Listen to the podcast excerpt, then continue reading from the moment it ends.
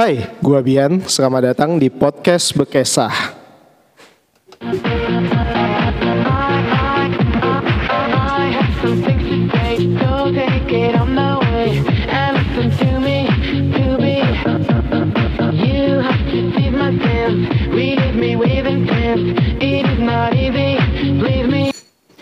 Episode 4. Aduh, sudah episode 4 aja nih. Buat pendengar podcast kita, podcast Bekesah ini sorry ya, mungkin naik cetaknya agak lama karena banyak kerjaan. Eh, In, main jobnya lagi banyak, habis itu ini kan side job ya, jadi habis apa ya? Bisa dibilang lagi banyak kegiatan banget hari minggu ini. Habis itu juga bintang tamunya juga lagi banyak kegiatan. Untuk podcast sempat ini banyak improve ya di podcast Bekesa ini dari segi udah pakai alat, udah ada mixer, udah ada mic, udah ya bagus lah. Semoga nanti ke depannya semakin lebih bagus gitu. Kali ini kita akan ngebahas mengenai dunia olahraga, tepatnya apa ya? Bisa dibilang kita ngobrolnya sama eh, sama instruktur senam yang udah terkenal lah di kota Balikpapan ini. Mungkin nggak perlu lama-lama lagi ya. Kita langsung aja. Mungkin Mbak boleh kenalan dulu. Halo, selamat siang. Siang. Nama saya Dwi. Kegiatannya apa Mbak Mbak Dwi? Hari-hari saya cuma ngajar sih, Ngajar senam ya? ngajar senam. Ya, saya ber, di dunia olahraga kardio pilates. Sebelum saya ke kardio pilates sih, awalnya saya cuma di aerobik. Mm-mm. Dari aerobik, kemudian saya ke yoga, dan kemudian akhirnya saya menetap di dunia ini kardio Oke. pilates. Oke Mbak, maksud eh, selama ini eh, awal mula bisa jadi instruktur senam itu gimana sih Mbak? Boleh tahu nggak ceritanya? Oh boleh dong. Iya. Awalnya itu dari musik. Musik. Habis itu gimana? Maksudnya perjalanannya jadi instruktur senam itu boleh cerita nggak? Dulu Hmm. saya pernah kerja di radio selama enam tahun. Mm-mm. Karena kecintaan saya dengan musik, Hmm. dari musik sih itu awalnya. Saya akhirnya bergelut di dunia olahraga ini. Mm.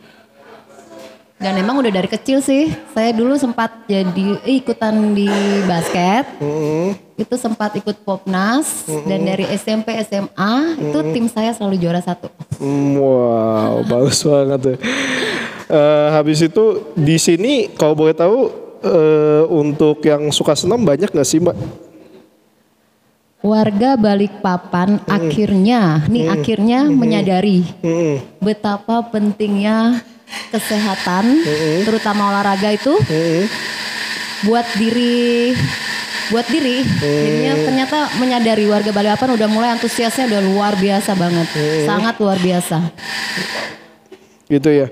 Eh, kalau boleh tahu eh, di apa di Balikpapan sendiri ini kalau untuk tempat untuk senam itu ada banyak atau boleh sebutin nggak berapa eh, di tempat mana aja sih gitu supaya eh, podcaster eh, supaya eh, pendengar podcast saya ini tahu gitu di mana aja sih tempat untuk bisa senam gitu atau ngapain aja sih gitu.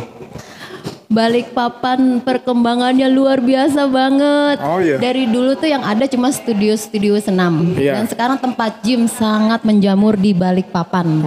Di antaranya tuh ada Knockout, Hmm, itu. ada Global Sport, ada Princess Studio, ada AM Studio, terus ada di hotel ada ada Japonica di Jatra, ada Novotel, ada Mars Gym di Sagita, ada Extreme, wah Banyak menjamur banget ya Mbak ya. banyak banget. Kalau instruktur senamnya selain Mbak banyak nggak? Eh, banyak sih, Banyak juga ya. banyak. Ternyata tapi- sekarang ilmu itu Hmm, sangat mudah didapatkan sekarang. hmm, gitu. Kalau dulu kita harus training keluar kota, sekarang di Balikpapan pun udah bisa. Hmm, gitu. Jadi kalau mau jadi instruktur senam itu harus ada trainingnya juga gitu, ada sertifikasinya juga itu. Sangat harus. Oh, gitu ya. Dan Mbak sendiri eh, sudah tersertifikasi ya? Udahlah. Oh, Oke, Udah. oke. Itu harus itu. Oh gitu, Mbak. eh, boleh tahu nggak? eh, maksudnya senam itu apa aja sih yang diajarin? Maksudnya eh, kayak tadi Mbak sempat ngomong pilates, apa? Habis itu apa kardio ya kalau nggak Iya, salah. Nah itu pilates. ngapain aja sih Mbak? Dan eh, mulainya kayak mana gitu? Jadinya buat pendengar podcast ini tahu gitu. Oh eh, senam itu nggak melulu cuma gerakan ini aja gitu, tapi ada gerakan lain gitu. Atau apa bedanya sama zumba gitu? Semua olahraga intinya sama sih ya. Benar-benar sama untuk sehat, udah pasti itu. Hmm. Terus di samping untuk sehat itu sebenarnya yang didapat dari olahraga tuh kita bahagia sih. Oh, oke. Ada rasa puas, kita Oke. berkeringat begitu, aduh. Sangat luar biasa. Sedangkan dari inti dari cardio pilates sendiri sebenarnya di core ya.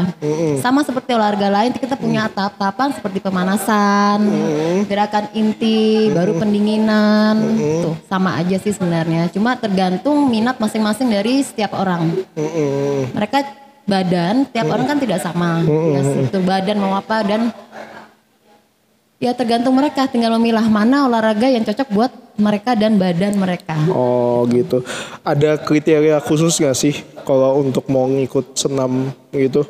Atau ya udah orang biasa pun bisa gitu. Eh, maksudnya orang yang mau baru pertama kali ikut pun bisa gitu. Iya, bisa. Bisa Dengan ya? rutinitas dan harus rutin. Hmm, gitu. Harus rutin. Kalau senam bisa menurunkan berat badan gak mbak? Itu sih tergantung Pola makan? Oh. Atau pola makan termasuk, Ah. tapi eh, salah satunya yang paling penting itu dari rutinitas, rutinitas tadi itu benar. Jadi Mm. seminggu, misalnya kita ada waktu cuma seminggu sekali. Mm-mm. Nah ada yang dua kali, ada yang tiga kali. Makin sering kita berolahraga, tentu kan bonusnya ya. Iya turun bonusnya. berat badan. Oh gitu. Jadi ya, kalau mau turun berat badan nggak bisa sekali atau sebulan cuma sekali itu nggak bisa ya mbak. Nggak ada yang instan ya mbak ya. Enggak ada. Oke. Enggak ada. Semua Nggak. butuh perjuangan. Oh semua butuh perjuangan ya. Mbak kalau semisal kalau apa eh, tadi kan bilangnya eh, di sini sudah menjamu banyak ya. Nah maksudnya eh, Mbak Dwi sendiri untuk di Balikpapan eh, megang yang mana aja sih atau sehari itu eh, berapa studio saya datangin gitu atau gimana gitu. Maksimal sih empat kelas per hari sih. Empat kelas dan itu seminggu. Enggak. Kelas itu per hari. Empat kelas itu per hari. Oh, Oke, jadi ada Senin sampai Jumat sih. Senin sampai aktifnya. Jumat, tapi empat kali aja ya. Ya, paling sedikit sih dua. Paling sedikit dikit juga. Oke. Sebagai instruktur apa instruktur senam sendiri punya masa depan nggak sih mbak? Enggak, saya cuma naik supaya eh, supaya pendengar podcast saya ini tahu gitu. Oh, eh, bahwa sebagai apa sebagai instruktur senam ini ada masa eh, ada uangnya juga gitu atau ya gimana lah Nah, gitu. itu hobi yang dibayar. Oh, itu hobi aja. Tapi Hobi, tapi menghasilkan. Oh menghasilkan, oke. Lumayan sih. Lumayan ya mbak ya. Untuk jajan-jajan lumayan ya mbak ya.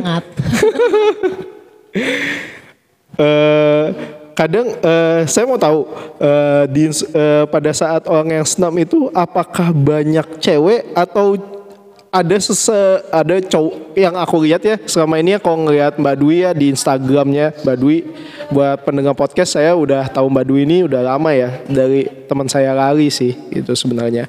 Nah ada nggak sih kalau pada saat senam tiba-tiba ada cowok mau join gitu? Ada. Oh ada. Ada. Oh saya kok nggak pernah lihat ya? Ada. Oh ada. Ada. Mereka eh, niatnya apa?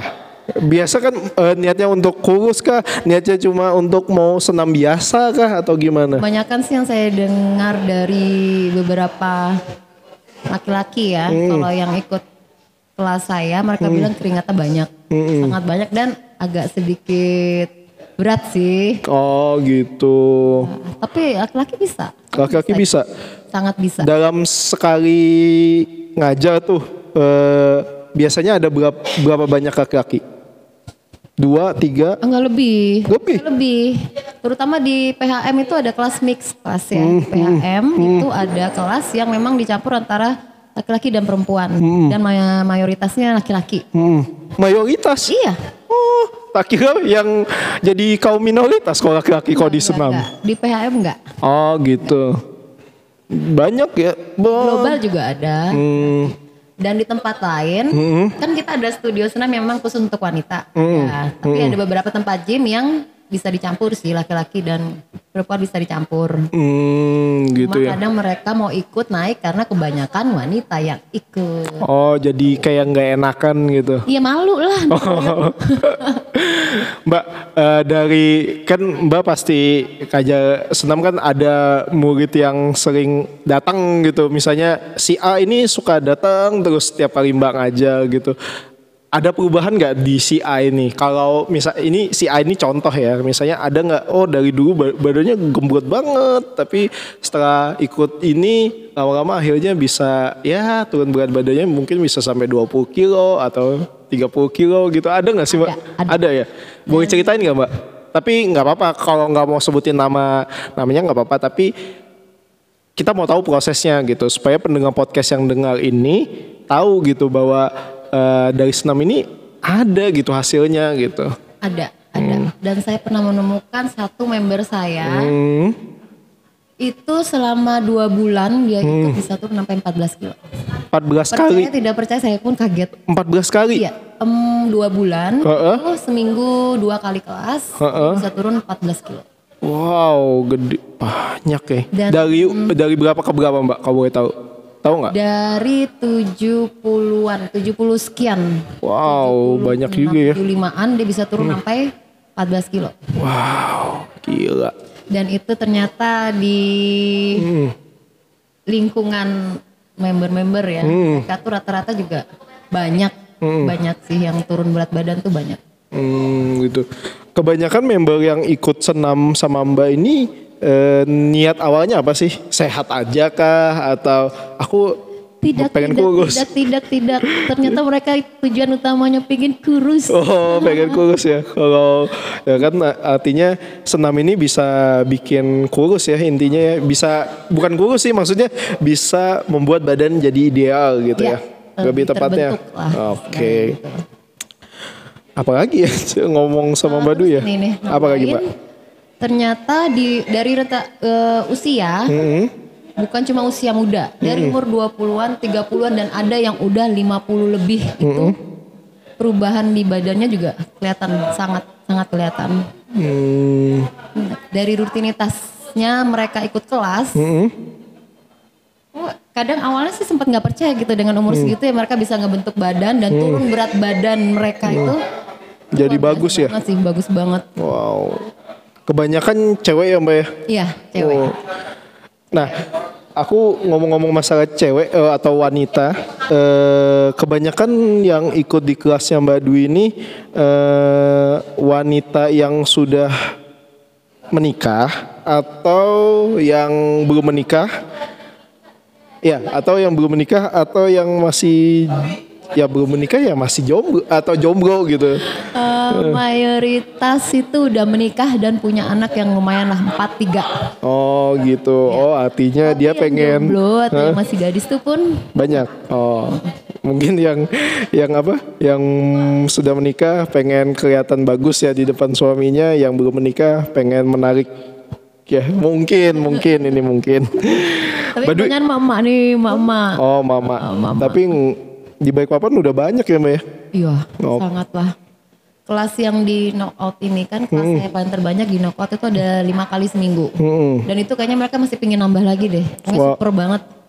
Asli super. Hmm, Mbak, eh, jadi instruktur senam ini boleh tahu nggak ceritanya suka dukanya gitu? Sukanya apa? Habis itu dukanya apa? Aku mau tahu deh. Jadi supaya pendengar juga tahu gitu bahwa ng- nggak sebagai intru, apa instruktur senam nggak hanya sedihnya aja atau nggak hanya senangnya aja gitu. Kita mau tahu dong, Mbak. Ini mau sukanya dulu atau mau dukanya dulu nih? Eh, sukanya sukanya lah. Sukanya sih ketemu banyak orang ya. Hmm, Itu bawaan kita tuh ya positif lah ya. Hmm, Itu bahagia terus apalagi kalau udah member udah rame banget terus Hmm. dengan semangatnya mereka itu tuh yang membuat langsung begitu ngeliat datang datang kelas tek yang Hmm. rame gitu. Aduh.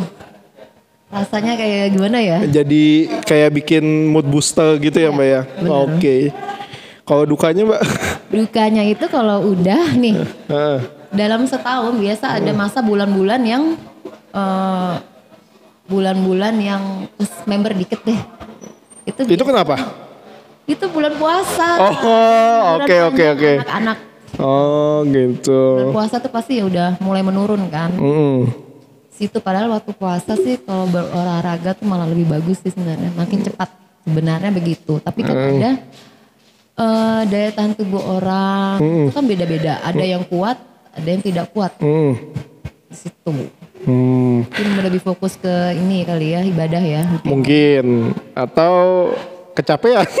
Bilangnya tadi di awal kalau kelasnya Mbak Dwi ini wow keringatnya lebih banyak bilangnya. Iya iya iya iya iya benar benar. Mbak Dwi eh, pernah sih nggak sih kayak ngalami hal yang nggak mengenakan di pada saat jadi instruktur senam gitu di kota ini gitu? Hmm, pernah sih Boleh cerita atau kalau nggak mau juga nggak apa-apa gitu. Eh, bisa sih jadi biar biar tahu deh. gitu. Ah, ah, ah. Kebanyakan nih kaum laki-laki, Ah. kaum laki-laki yang menilai profesi Hmm, hmm. sebagai instruktur itu agak-agak minus sedikit deh. Hmm, gitu. Jadi suka digangguin kah gitu? Iya iya iya iya iya iya. iya. Ya kayak gitu ya. Agak. Hmm. Nilainya kalau yang karena sebenarnya positif sih buat kita karena tuh kita terlihat lebih energik, Hmm, hmm. lebih kelihatan lebih riang. Hmm. gitu. Jadi mungkin pikirannya para laki-laki itu mungkin berpikir ya gitulah Oke. gitu gitu. Ini juga ya, maksudnya ya ya mungkin budaya timur masih nganggap itu pekerjaannya gitu lah. Padahal sebagai itu apa sebagai instruktur itu pekerjaan yang ya memang kayak biasa aja gitu sama seperti pekerja di kantor atau pekerja yang lain kan sesuai passion ya kalau Iya. nggak salah ya. Oke Mbak Dwi, eh, apa lagi ya mau ngobrol sama Mbak Dwi ini banyak pada pengen diobrolin tapi bingung apa yang mau diomongin. Mbak Dwi mau cerita apa gitu? Siapa tahu punya cerita tentang selama selama suka duka, eh, maksudnya selama jadi instruktur senam ini ada hal yang bikin Mbak Dwi menarik dan tidak bisa dilupakan gitu? Ada nggak? eh apa ya? Ya bahagia sih ya. bahagia bahagia ya iyalah Bener, badan bagus cuy Dengar ya dari musik sih ya. Dari situ bisa explore lah. Aku bisa lebih merasakan. Aku dapat feel-nya Hmm. dari musik. Akhirnya jadi geras sebuah gerakan. Dan kemudian kita merasakan kepuasan, Hmm. berkeringat. Aduh, sesuatu banget gitu.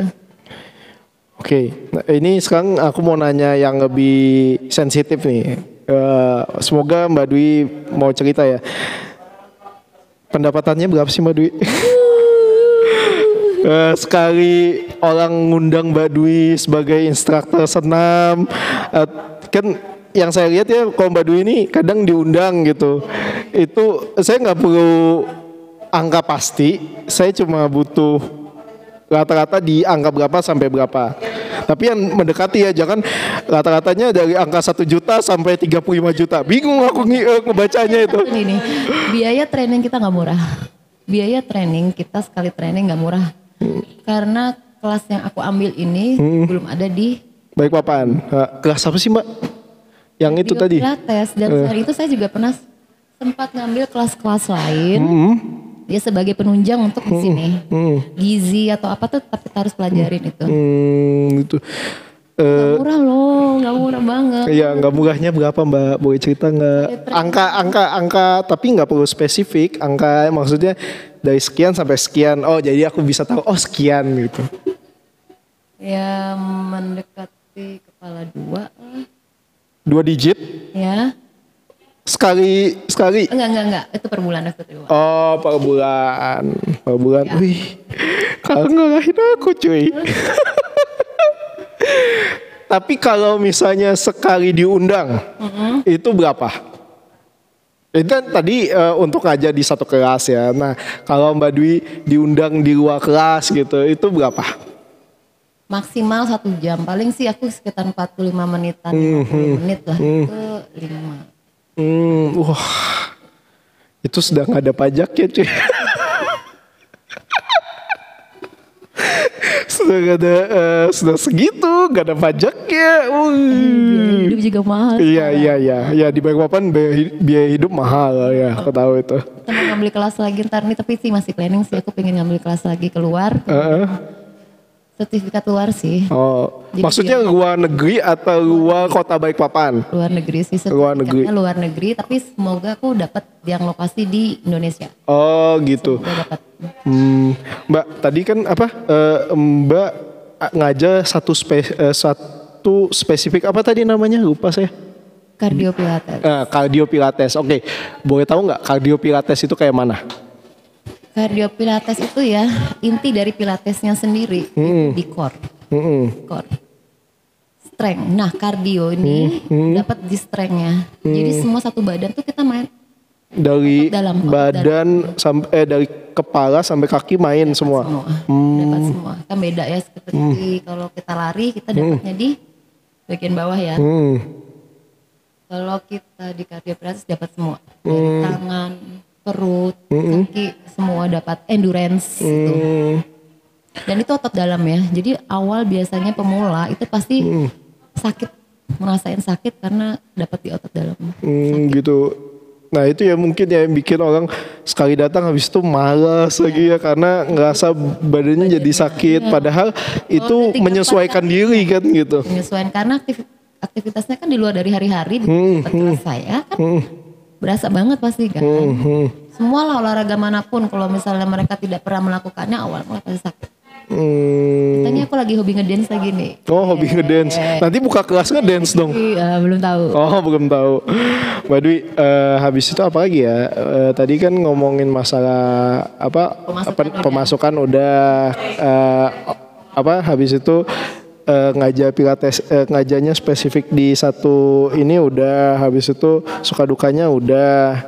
Apa lagi ya? Eh, Satu lagi motivasinya saya ya. mm, Ah, kita harus tumbuh, harus berkembang. Kita nggak boleh cuma di satu satu titik. Oke. Kita harus tetap belajar lagi, belajar lagi. Mm, Ya itu mungkin ya salah satu yang jadi saya sih aku nggak bisa cuma di satu titik aja. Aku harus tetap bisa naik, naik, naik, naik. Oh, Tetap belajar, belajar, belajar lagi. Artinya Mbak Dwi nggak mau eh, di tetap di zona nyaman itu ya. Misalnya bisa pilates apa cardio pilates itu itu aja nanti enggak kan nanti yang lain yang lain yang lain gitu. Masih mau explore lagi, masih Di senam sendiri itu banyak ya Mbak ya sebenarnya Mbak ya. Banyak. Banyak banget ya. Jadi kita nggak bisa belajar cuma satu aja dari anatomi tubuh, gizi. Ini satu yang ini nih.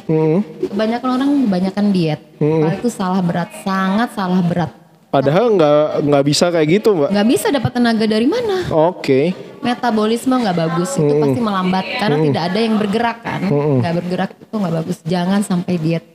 Diet satu bulan, dua bulan, tiga bulan, turun 5 kilo, Oke. turun 5 kilo. Tapi begitu lepas dari diet, dua kali naiknya. Aduh. Tahu percaya nggak percaya aku pernah coba semuanya.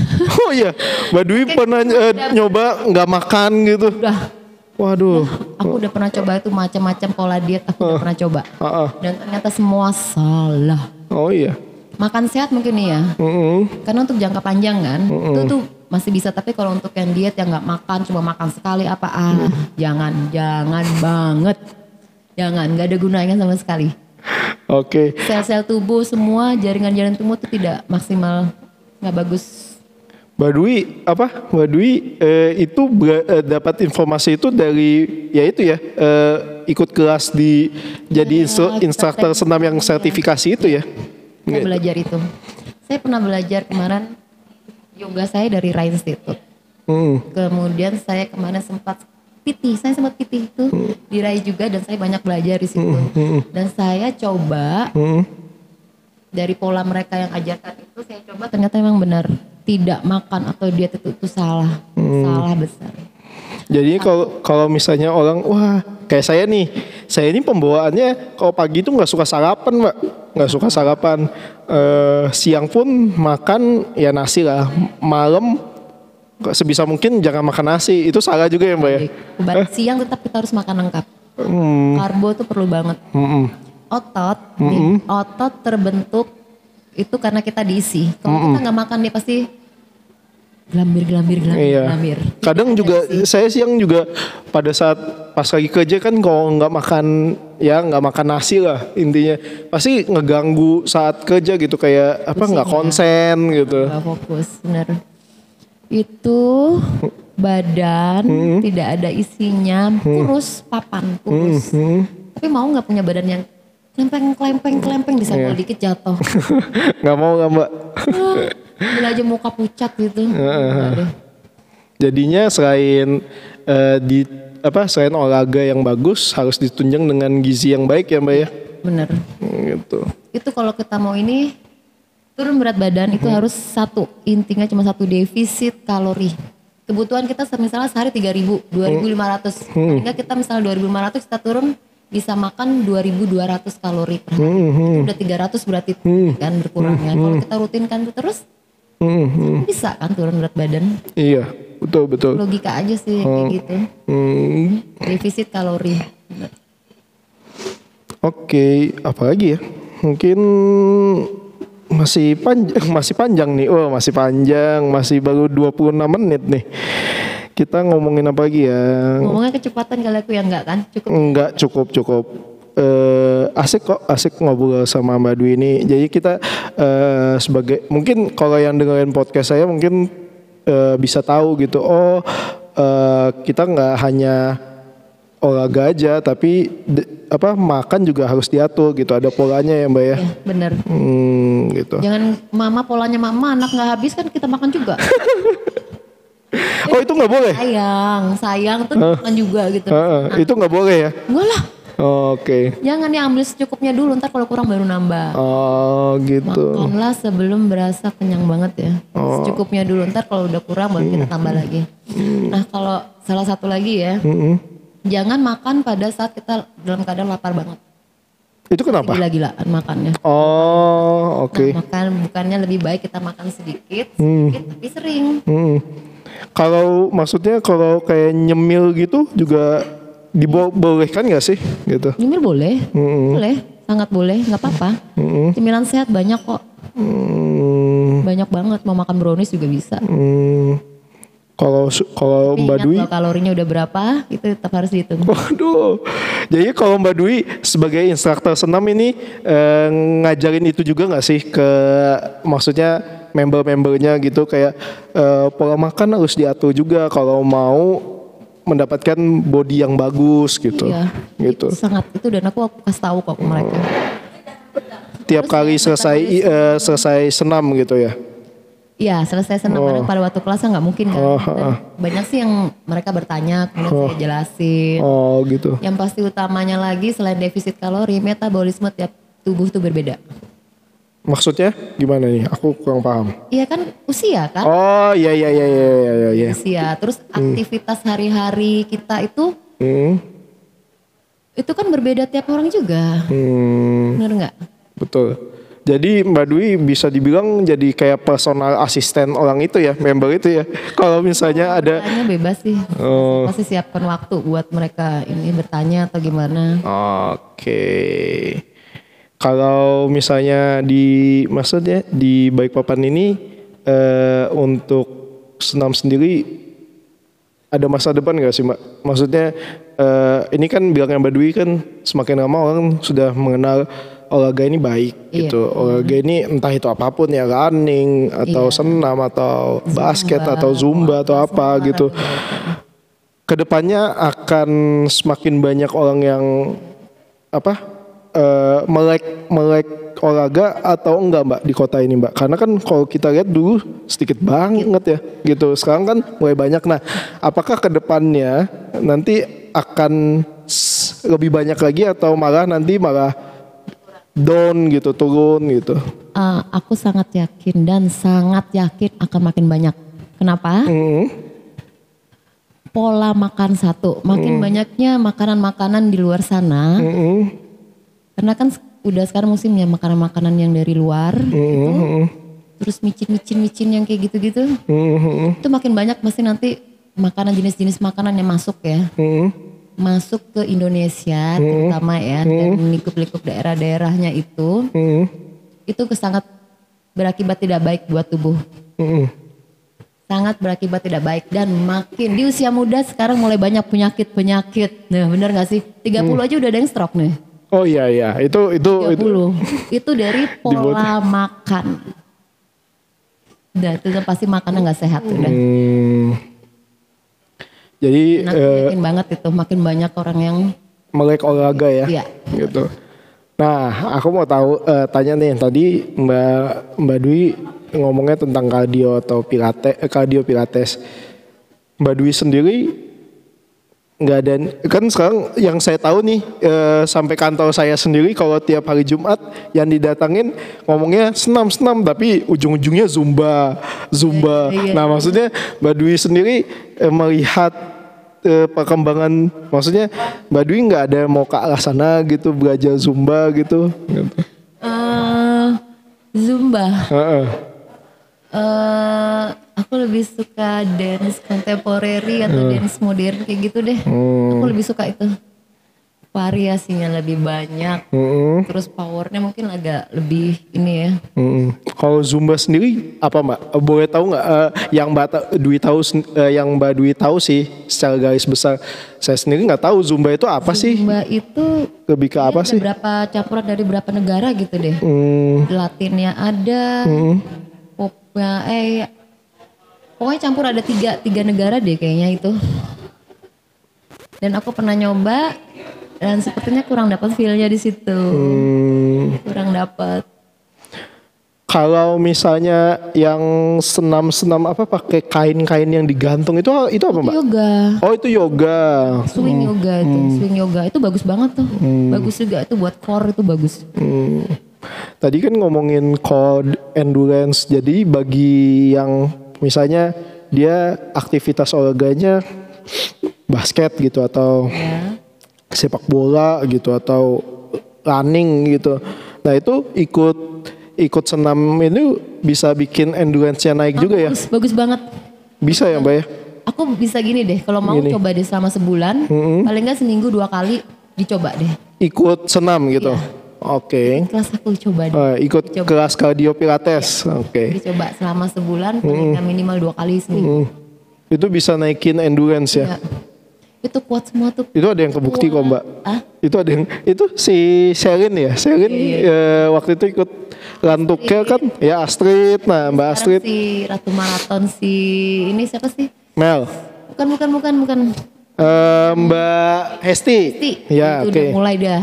Udah banyak yang ngerasain sih ringan. Mm-hmm. Dari teman-teman dari PHM rata-rata juga pelari-pelari kan. Mhm. Mereka udah bilang semua pahanya tuh nggak ada rasa yang kayak kram atau yang gimana nggak. Mungkin capek atau Mm. yang berasa agak sakit-sakit tapi beda banget sebelum mereka ikut kelas ini. Hmm, Berasa banget. gitu. Makanya dicoba dulu. Oh. Oke buat pendengar podcast ya yang mau coba eh, kelasnya Mbak Dwi bisa ke Knockout. Knockout itu ada di mana? Knockout itu ada di MT Haryono. Ya, dekat eh, lampu merah BDS gitu.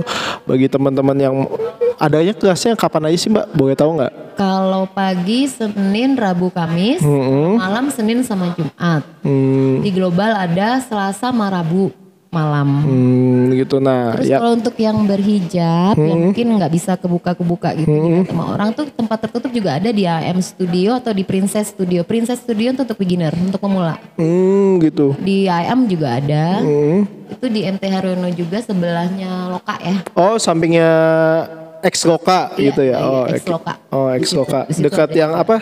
Grill-grill itu ya? Iya, Oke. benar.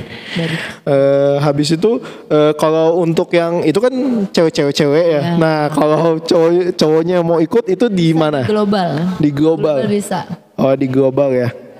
Hmm, global itu kalau nggak Dan di knockout atau di knockout atau global yang bisa cowok masuk itu sebenarnya bisa. Nggak apa-apa naik aja ke atas. Hmm, tapi malu, Mbak. semua. Kalau mau buka kelas sendiri Oh, gitu. khusus laki-laki. Hmm. yang buka kelas sendiri biasanya itu ya eh, diundang sama perusahaan ya mbak ya. Iya. Berprivate ada loh. Hmm, private ada suami istri. Banyak Oh mbak mbak Dwi sendiri bisa untuk private gitu ya? bisa. Hmm, Private bisa. Aku siapkan lah pasti waktu waktu tidur siangku aku siapkan eh nggak jadi tidur siang untuk buat kelas private bisa. Oke, nah ini buat teman-teman nih kalau mau tahu nanti eh, Mbak Dwi sendiri akan saya tag di Instagram, Instagram saya. Eh, Instagram nanti eh, kalau mau tahu tentang Mbak Dwi mungkin bisa langsung DM Mbak Dwi di Instagram mungkin ya gitu.